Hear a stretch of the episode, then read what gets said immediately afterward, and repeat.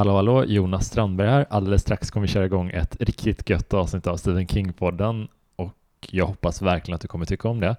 Eh, men innan dess har jag ett litet meddelande och det är att eh, jag är också stand-up-komiker och i höst så kommer jag ha premiär för min helt nya föreställning som heter 1988 och det är en riktigt kul stand-up-show om jag får säga det själv. Och eh, det får man väl antar jag. Och jag berättade lite om den innan förra avsnittet och det har sålt på ganska bra, vilket jag blir jätteglad över. Och jag vet att oktober, det ligger långt fram i tiden, som tur är på många sätt. Men man ska alltid ha något att se fram emot, tänker jag. Så, att, så unna dig själv en liten present och köp en biljett till min show 1988 som är en eh, väldigt personlig standup-show faktiskt om en period i eh, mitt liv som ja, men inte var toppen om man ska underdriva lite. Det, det var ingen bra period, men som jag tog mig ur delvis till ganska stor del med hjälp av Taylor Swifts musik.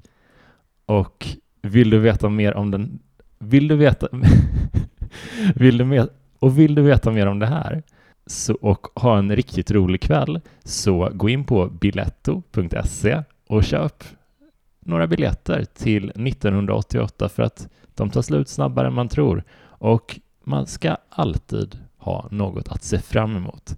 Nu kör vi igång veckans avsnitt av Stephen King-podden.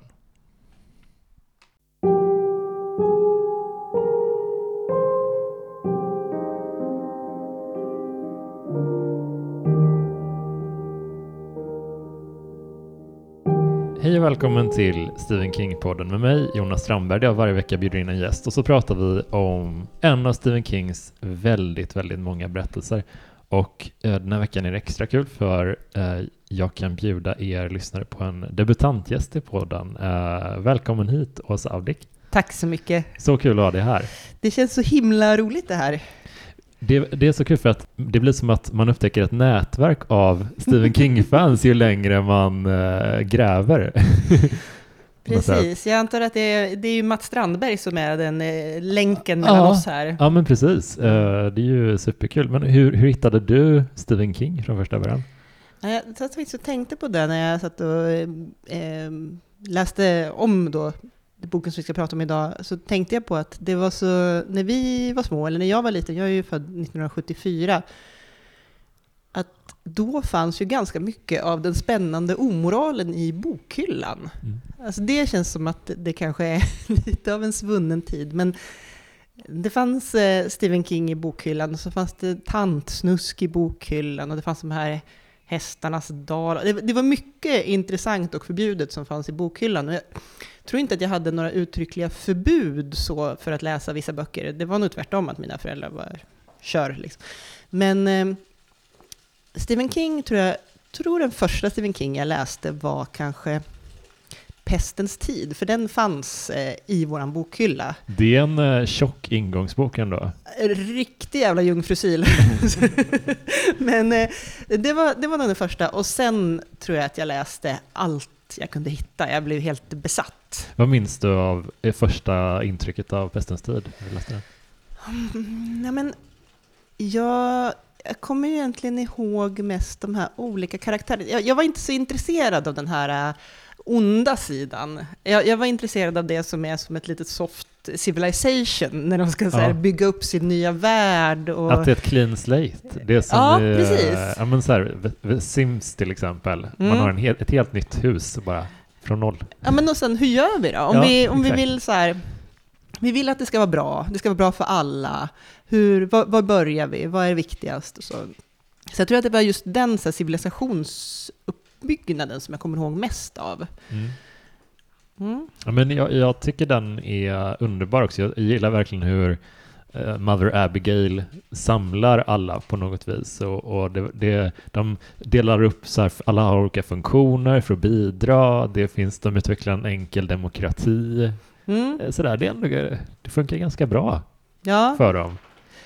Precis, tills, eh, tills de blir hotade ja, av mörkret. Exakt. Men vi ska ju prata om Död zon idag. Precis. Jag har, jag har min otroligt väl tummade kopia här, som jag faktiskt jag tror jag kommer från mitt tonårsrum från början. Som du ser har jag läst den inte bara en gång, utan Ja, men det, var, det är ett väldigt tummat och välläst exemplar. precis, det, det, det är liksom riktigt skrynkligt, den håller på att falla i bitar. Men eh, ehm, 1985 kom det här, det var hans femte roman tror jag. Mm. Så han hade inte skrivit så himla mycket innan. Och Mm. efter det här skrev han Djurkyrkogården. Mm. Sen har de, de kommer väl ut i lite annan ordning än vad han skrev dem egentligen. Men femte utgivna tror jag i alla fall det här är. Jag, jag lite, um, det är inget generellt sådär, men jag har, brukar ha lite, lite svårare ibland för hans tidigare böcker, för att Mm. han inte, jag upplever att han inte riktigt har utvecklat sitt hantverk på samma sätt. Ja, pretentiöst. Men alltså, Mm. Ehm, men det slog mig när, när jag läste den här nu, läste ut den faktiskt eh, eh, igår till sista, sista sidan, och hur, hur säker han känns i den här, berätt, i den boken. Eller hur? Han, det känns som att han vet precis vad han gör, verkligen. Jag tycker den är otroligt... eh, Jag tycker den är otroligt bra till att börja med, men jag tycker också den är otroligt tight. Och det är liksom ett otroligt snyggt bygge med de här parallellhistorierna, hur han, den sista delen, hur han stänger det med olika förhör och Mm. brev och så här, lite, lite som en annan bok som jag vet att både du och jag älskar, nämligen Dracula. Att det, är lite Mm. så här, det blir lite found footage på slutet. Ja. Att det, man går till dokumenten och pusslar ihop liksom vad som egentligen hände. Ja, det är och coolt här. faktiskt. Det, eh, vi kan eh, bara dra en liten synopsis av boken, så att eh, om man eh, bara är nyfiken på den men inte har läst den än, så, så vill du göra oss den äran? Ja. Nej, men den handlar ju, huvudpersonen är ju Johnny Smith. Eh, Bra namn. Bra namn.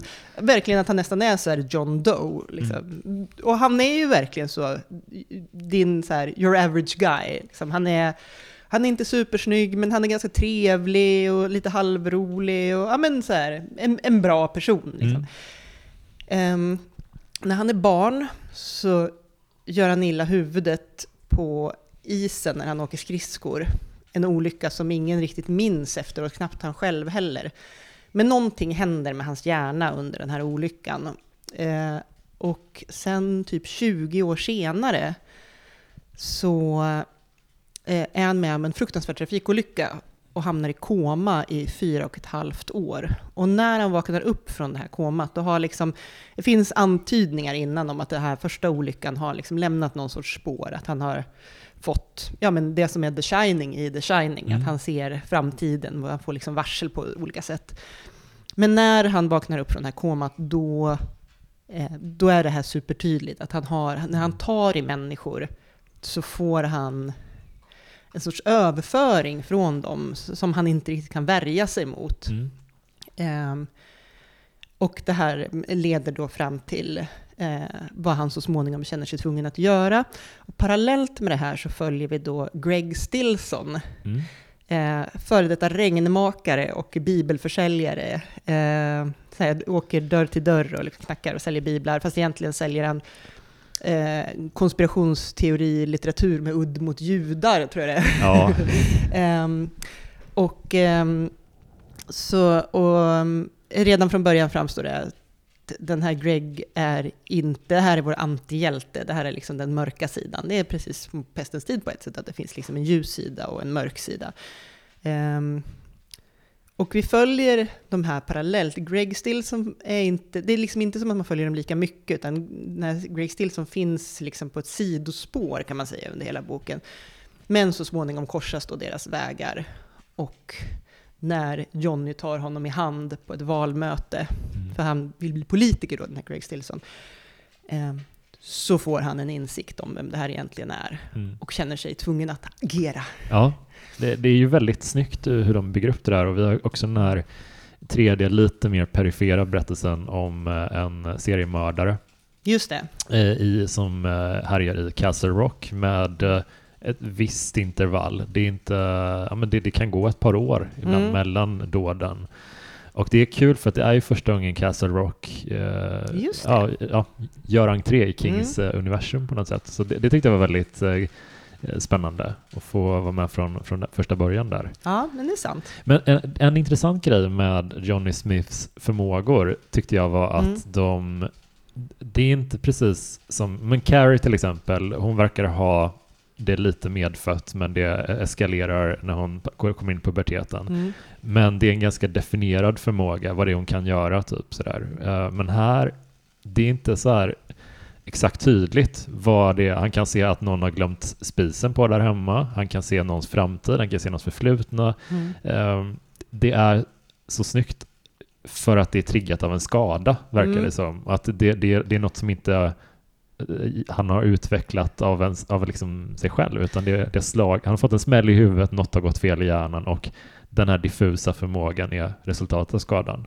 Ja, men och det, jag tycker att på ett sätt så blir det också mer trovärdigt i att det inte är så här... Han får liksom inte alltid samma saker och han... Ibland så tar han i människor och han, han tar i ett barn någon gång och då är det bara så här... Bara en, en oviss känsla av eh, ingen, ingenting, liksom, Mm. inget mörker, utan det är bara ljus. Liksom. Det låter ju lite klyschigt nu när jag återberättar det, när jag tänker efter. Men, nej, men att, som du säger, att det, det finns liksom inget riktigt system i vad han får veta och Mm. hur det fungerar och så. Ehm, det tycker jag är en styrka faktiskt. Mm. Ehm, och sen så har han ju då, han, han kall, säger ju själv att vissa saker ligger i den döda zonen, alltså där han fick den här skadan. Och det här visar sig från början när, de, när han vaknar upp i det komat och de testar honom på massa saker. Och att han liksom, ibland när han ser en bild så kan han inte hitta rätt ord. Han, de säger tält och han ser typ en gravsten. Eller så. Han, Mm. Eh, och han själv pratar om det som att en del av de här detaljerna som han inte kan se ligger i den döda zonen. Just det. Så någonting har försvunnit och någonting har vaknat istället känns det som. Ja, men jag, jag fick, fick sådana eh, flashbacks till eh, en av de här äldre X-Men-filmerna när de upptäcker sina förmågor, i, ofta i puberteten, och Mm. det är liksom eh, de kan inte kontrollera dem riktigt. De spretar åt alla håll. De har Mm. liksom inte lärt sig fokusera. Eh, och Johnny gillar ju inte riktigt sin förmåga. Eh, ganska tidigt så vill han, inte, han vill undvika att använda den Mm. eh, i viss mån. Så att han, han, han, han har inte som för avsikt att, att träna upp den och göra den, skaffa ett laserfokus, typ. Nej, det, det här påverkas ju också av att han har en mamma som är...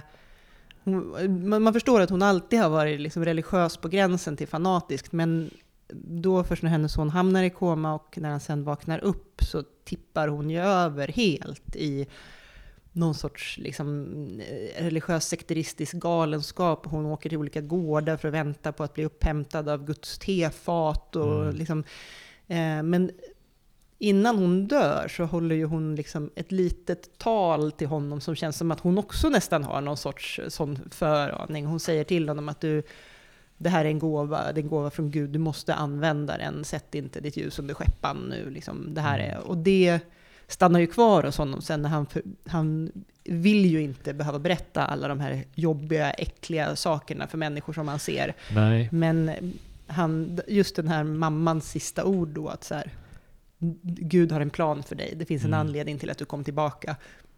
Sätter ju sig väldigt hårt hos honom och skapar någon sorts inre tryck. Ja. ja, men verkligen. Det är också så intressant att det inte är... Det är inte från början en självklarhet att han ska ja, vara så här rättfärdig som alla superhjältar nu för tiden är. Nej. Utan det, det är ett besvär för honom i, i livet. Det, det är jättejobbigt. Mm. Och eh, det är också kul hur det är ganska ti- tidigt från hans uppvaknande. Eh, en serie händelser gör att han blir medialt uppmärksammad Mm. och eh, folk liksom söker upp honom som den här märkliga journalisten Just det. som kontaktar honom i hans hem och vill att eh, Johnny ska börja ehm, skriva kolumner för deras okulta, liksom lite så märkliga magasin. Mm.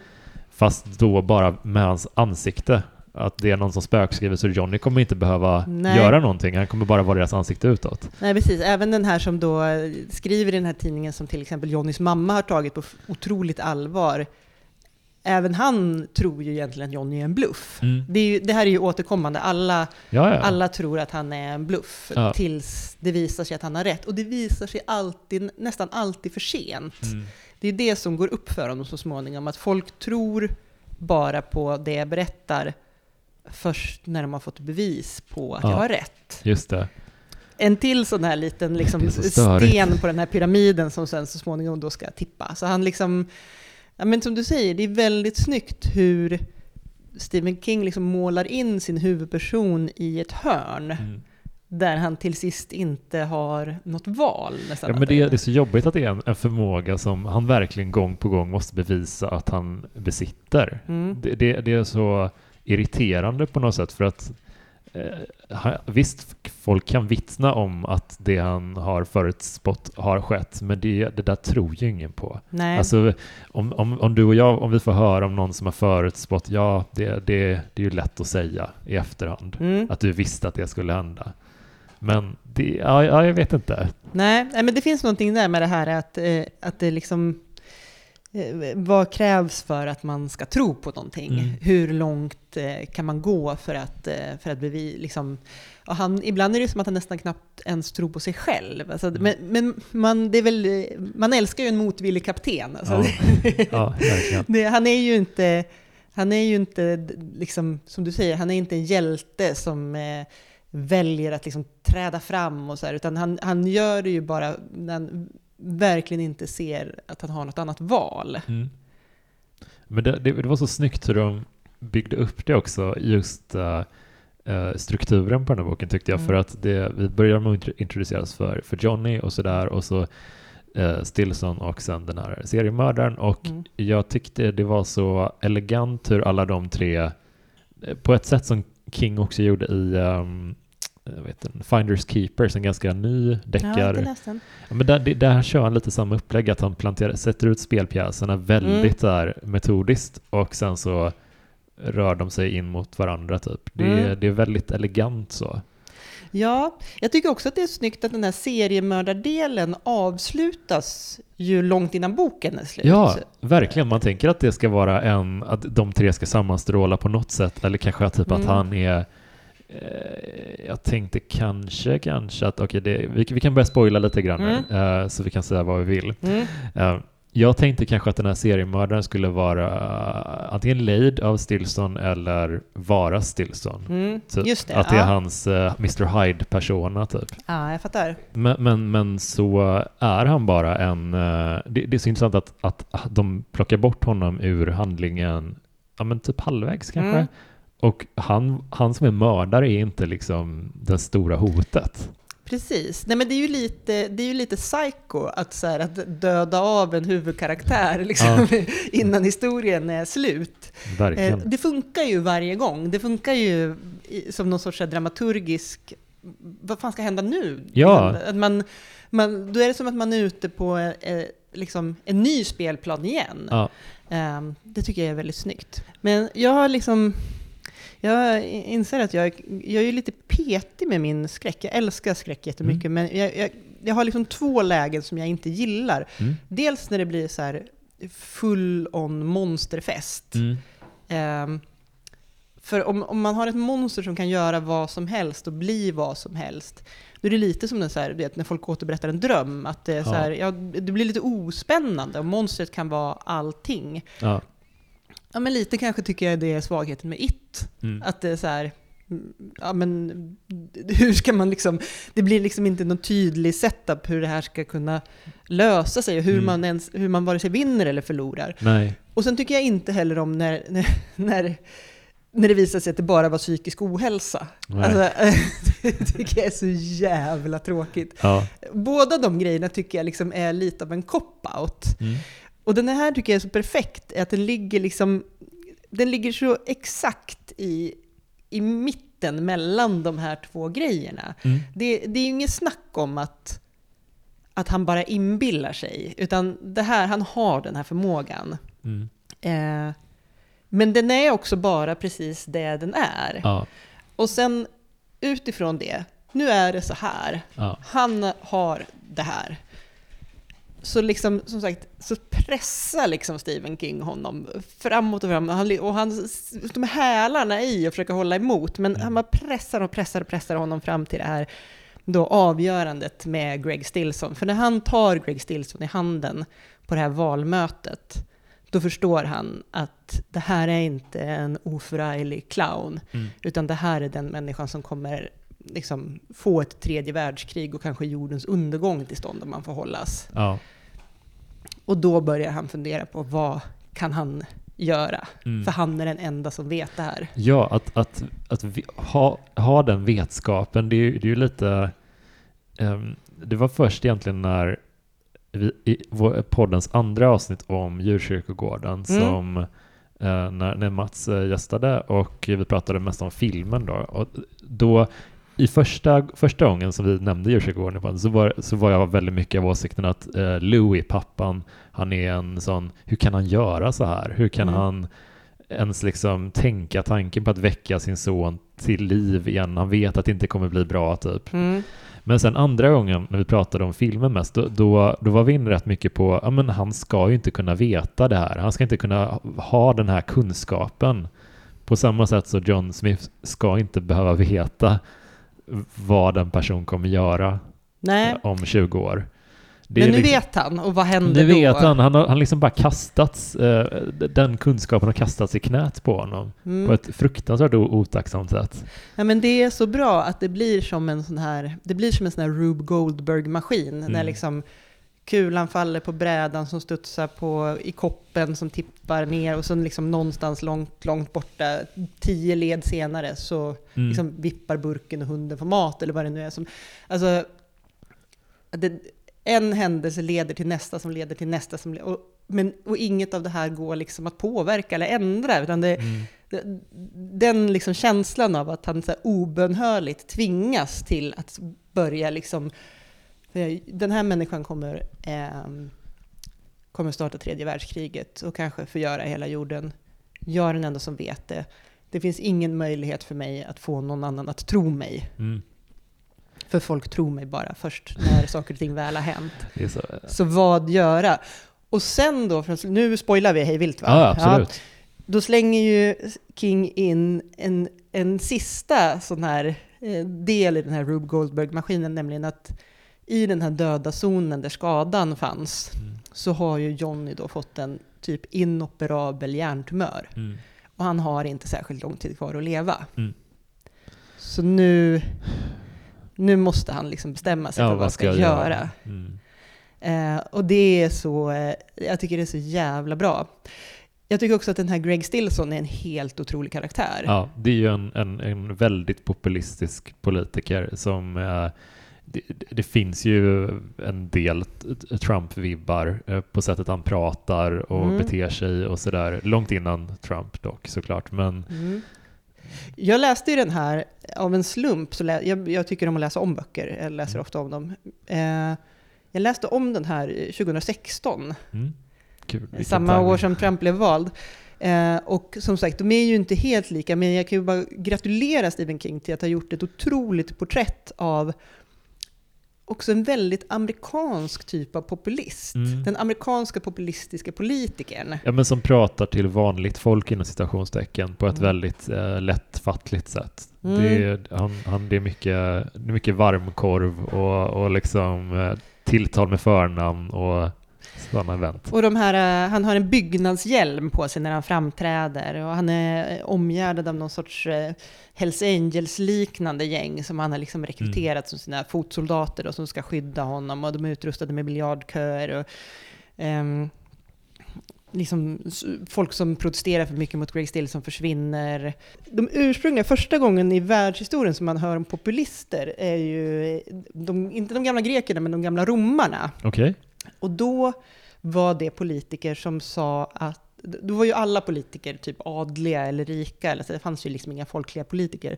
Men en populist då var en person som oavsett eh, härkomst utgav sig för att stå på den vanliga människans sida mot etablissemanget. Okej.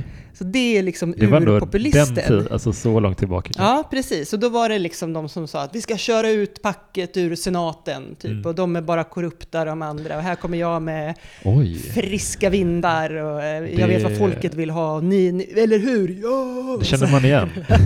jo, men exakt. Det är så fascinerande att det här populist, populistformeln har liksom ändrat sig så lite Mm. Under åren. Verkligen, det är ju identiskt. Typ. Ja. Gud vad intressant. Få saker gjorda. Ja, exakt.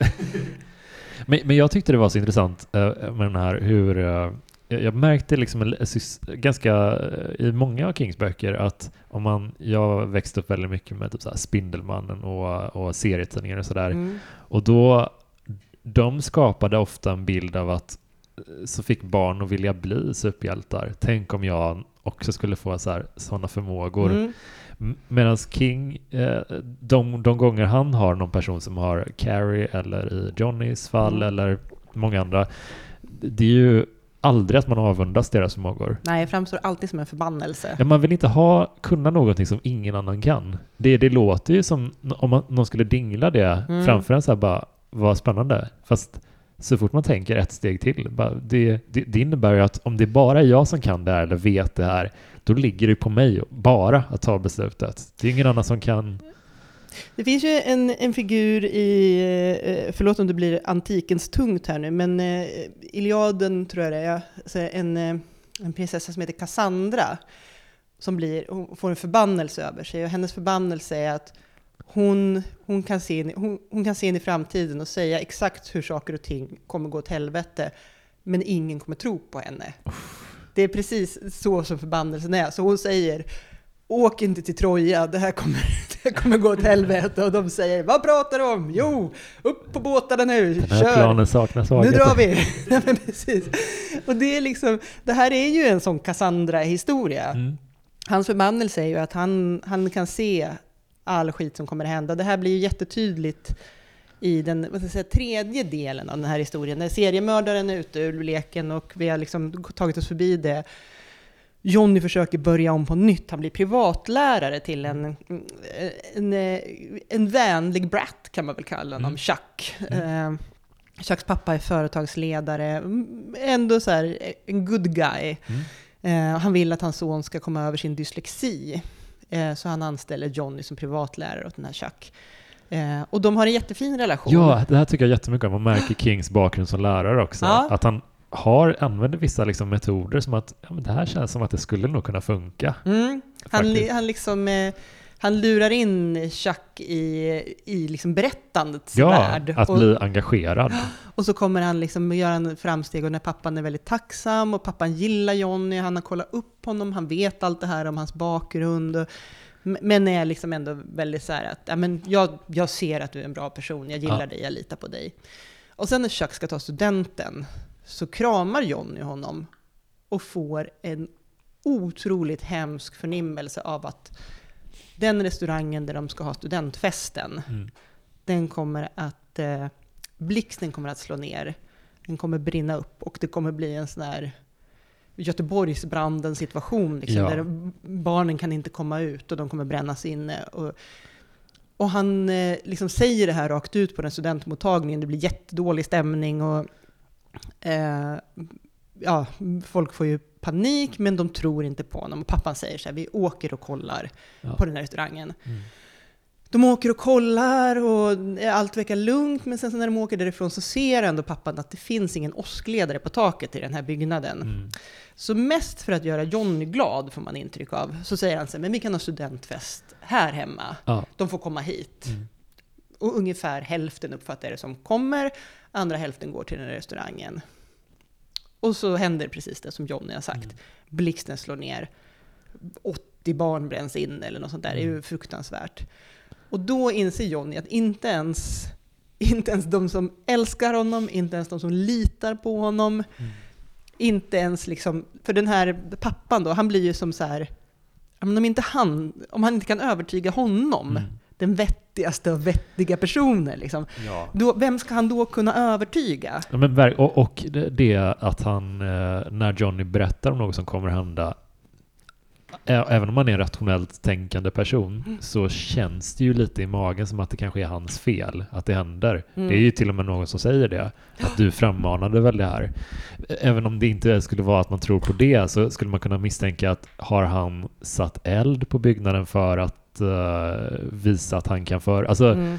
det, det är, ju, det är ju inget positivt med förmågorna. Nej. Han kan inte avvärja dem och när han lyckas så blir han delvis lite skuldbelagd också. Mm. Och, han, och han klandrar ju sig själv så här, ja, men vad skulle jag, jag skulle kunna ha gjort någonting. Mm. Jag skulle kunna tagit min bil och kört den rakt in i den här restaurangen när det var stängt, så de inte kunde ha den här festen. Ja, Alltså, och det är väl där då han börjar komma fram till den här riktigt jobbiga slutsatsen att han kanske måste mörda Greg Stilson. ja, ja, verkligen. Och jag tyckte det, det var så intressant hur eh, om, om, man, om man liksom var Chucks pappa i den här situationen och Mm. eh, Johnny berättade det här för en. Det är en stor dag, studentfesten. Mm. Det, det, det, är liksom, det kommer vara en, en... Han vill liksom inte förstöra det minnet. Så att samtidigt om någon säger att den blixten kommer slå ner och alla kommer brinna upp, typ. Det, det är liksom... Det är jättesvår avvägning skulle jag alltså säga. Jag vet inte riktigt vad som skulle kunna få... För det är det, man känner ju också, det är det som är så bra, att man känner ju att pappan gör rätt. Ja. Alltså pappan gör ju rätt i alla led. Ja. Alltså han går ju säkert längre än... Jag vet inte, om det kom någon hem till mig som, som jag litade på och sa åk inte till sommarstugan, den kommer brinna upp. Mm. Eh, Jag kan inte säga att jag säkert skulle låta bli att åka dit. Eller så Nej, jag, vet, jag, men- håller med. nej, Jag håller med. Det, det är jättesvårt, att, även om det är värsta man kan tänka sig, som Mm. någon påstår att de vet kommer hända. Mm. Fan vad man inte hade varit bättre, tror jag. Det är ju det som är så jävla snyggt, att, att man förstår precis hur, hur det går till Ja. när ingen tror på Johnny. Det är ju samma med den här seriemördaren. Han blir in, det visar sig vara en man som jobbar med polisen, Mm. som är den här seriemördaren. Och då, när han berättar det för den här polis... Eh, chefen som har tagit dit honom, han blir ju så arg som slår Johnny på käften. Ja.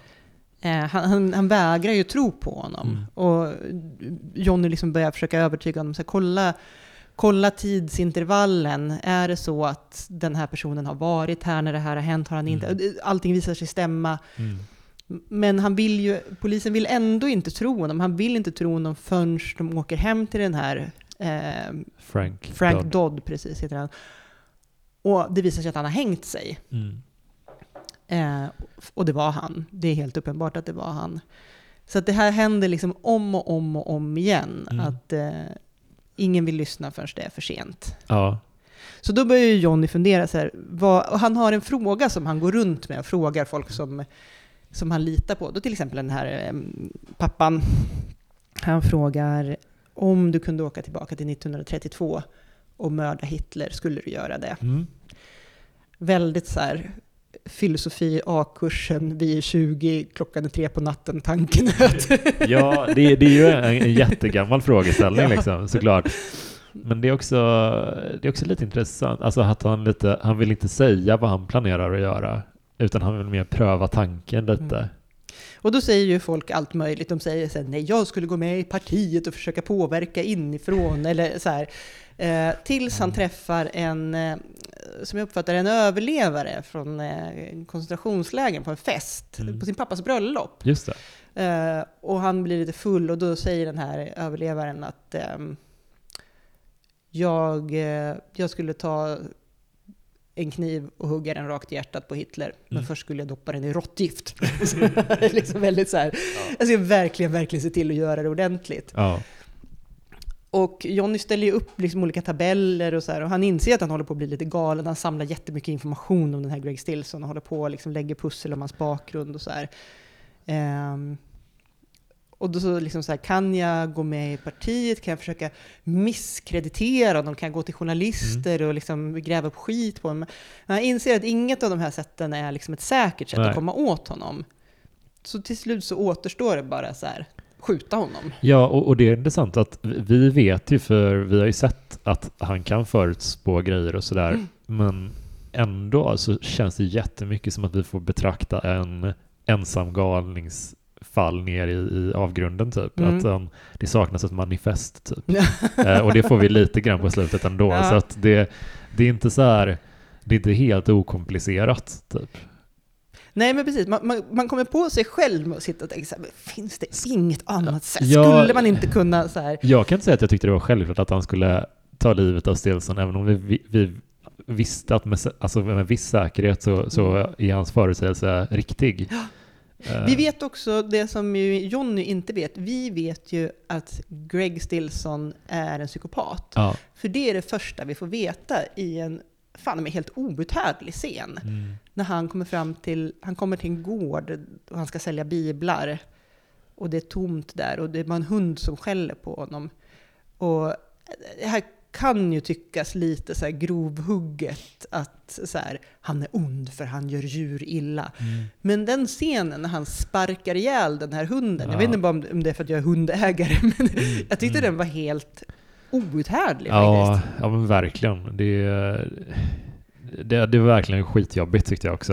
Eh, Men det ändå, eh, och jag är också, jag älskar verkligen alla, alla djur, särskilt hundar också jättemycket. Men jag kände tr- trots att man hade den Mm. vetskapen, alltså är det verkligen värt, värt det att skjuta honom typ? Är, Mm. det, är det verkligen Nej, vet det, det framstår ju som jävligt drastiskt. Och sen så kommer då den här sista, den sista tickande äggklockan, att han Mm. också har en hjärntumör och han börjar påverkas av den och han, Ja.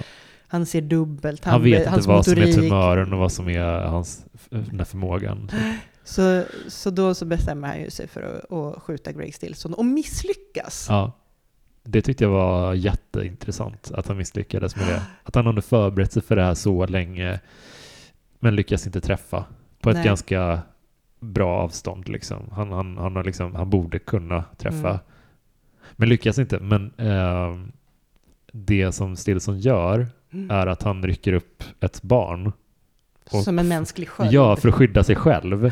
Och det ser alla och det fotograferas. Mm. Och eh, det gör ju att han inte han, han blir liksom han blir inte president och Nej. han startar inte tredje världskriget. När Johnny tar i honom sista gången så, så ser han att det är bara tomt. Ja. Allting har förändrats. Ja, han fattar inte själv hur, men allting har förändrats. ja, Och sen slutet då, när vi då förstår det här med, för vi vet inte det här med hjärntumören till exempel innan han skjuter Stilson, utan då Mm. är det liksom en, en liten, eh, ett litet appendix, eller vad man ska säga, där, som består av någon sorts förhör som eh, kommer då efter, liksom, när de reda ut det här Stilson-mordet, mm. attentatet. Och sen är det brev till eh, Johnnys pappa och till Sarah, hans mm. tonårskärlek just det. eh, som finns med i början. Eh, de är på dejt. De har precis avslutat sin första dejt när den här hemska bilolyckan sker som får Johnny att hamna i koma. Och de håller kontakten. Och det måste jag säga, jag tycker, jag tycker inte alltid Stephen King är någon supermästare på att skriva om kärlek. Framförallt Mm. inte om sex, men inte om kärlek heller. Mm. Men den här relationen mellan Johnny och Sarah, jag tycker den är så otroligt rörande. Ja, verkligen. Jag tycker den är för, så här, det gör så himla ont att de, inte, att de aldrig får vara tillsammans. Ja, att de förlorar alla åren eh, Mm. när han ligger i koma. Hon måste typ gå vidare ju. Alltså, och, och sen försvinner allt. Alltså, det, Mm. det, det är bara så jävla tragiskt allting. Ja, det, det, det är jättefint och jättesorgligt. Ehm, Men det, det är så mycket, jag var så glatt överraskad av den här boken eh, faktiskt. Alltså jag trodde inte den skulle vara så engagerande och väl eh, skriven och liksom sådär på alla sätt. Det känns som att den här skulle ha kommit kanske 20 år senare mm. i hur den är, hur bra den är på att eh, ja, men skildra ja, men kärleksrelationen till exempel. Det enda som jag kommer på som jämförbart är relationen i eh, 112263 där, eh, som handlar om det här Kennedy-mordet och sådär. Just det. Mm. Där finns det en kärleksrelation som eh, ja, är typ lika väl skildrad. Liksom. Mm. Men den är ju skriven, liksom, den kom ju jättelångt senare. Ja, det känns som att han ligger så, han ligger liksom så nära på ett sätt som så här, det, är, det är liksom inte, det är inga stora gester i den här relationen någonstans. Liksom. Mm. De är på den där första dejten och alltså, väldigt precis beskrivet den här känslan av när man så här, ehm, man typ precis när relationen är på att börja och man tänker sig gud jag kanske är kär i den här personen. Och så inser man att det har ju varit jättelänge. Alltså så här Mm. att det, det finns en fin så här, man förstår att det här skulle bara vara början på Ja. deras kanske till och med livslånga förhållande. Ja, verkligen. Som så här, det här skulle vara den kvällen som de satt och berättade för sina barn och barnbarn om. Mm.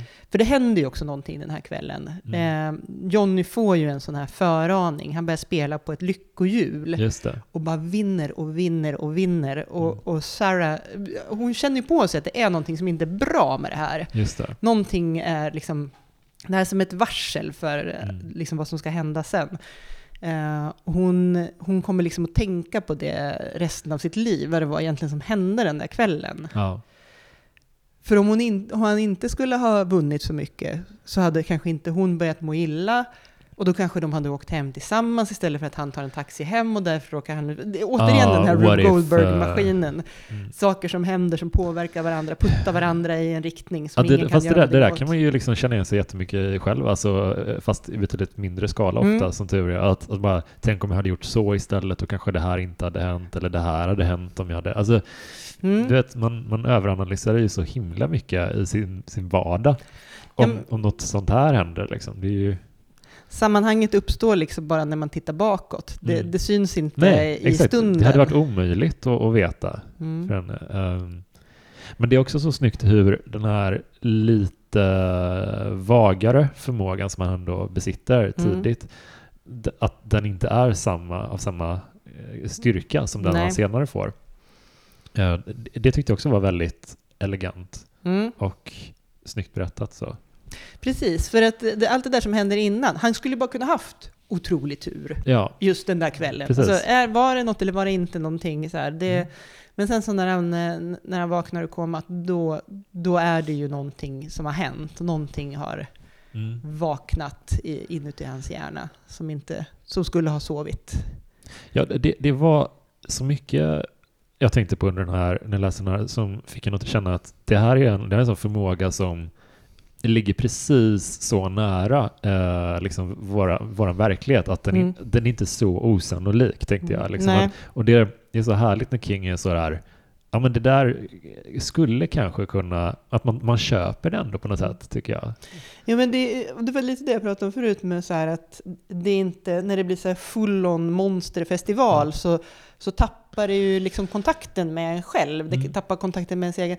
Men det, när han är som bäst så är det ju precis när det ligger där liksom i så här, liksom det perifera synfältet av verkligheten Ja, och, och, och bara liksom någonting som flittrar i utkanten. Och, ehm, precis som du säger att jag- läste en undersökning igår, tror jag det var, att 40 procent av eh, alla svenskar tror att det finns människor med någon typ av övernaturlig förmåga. mm.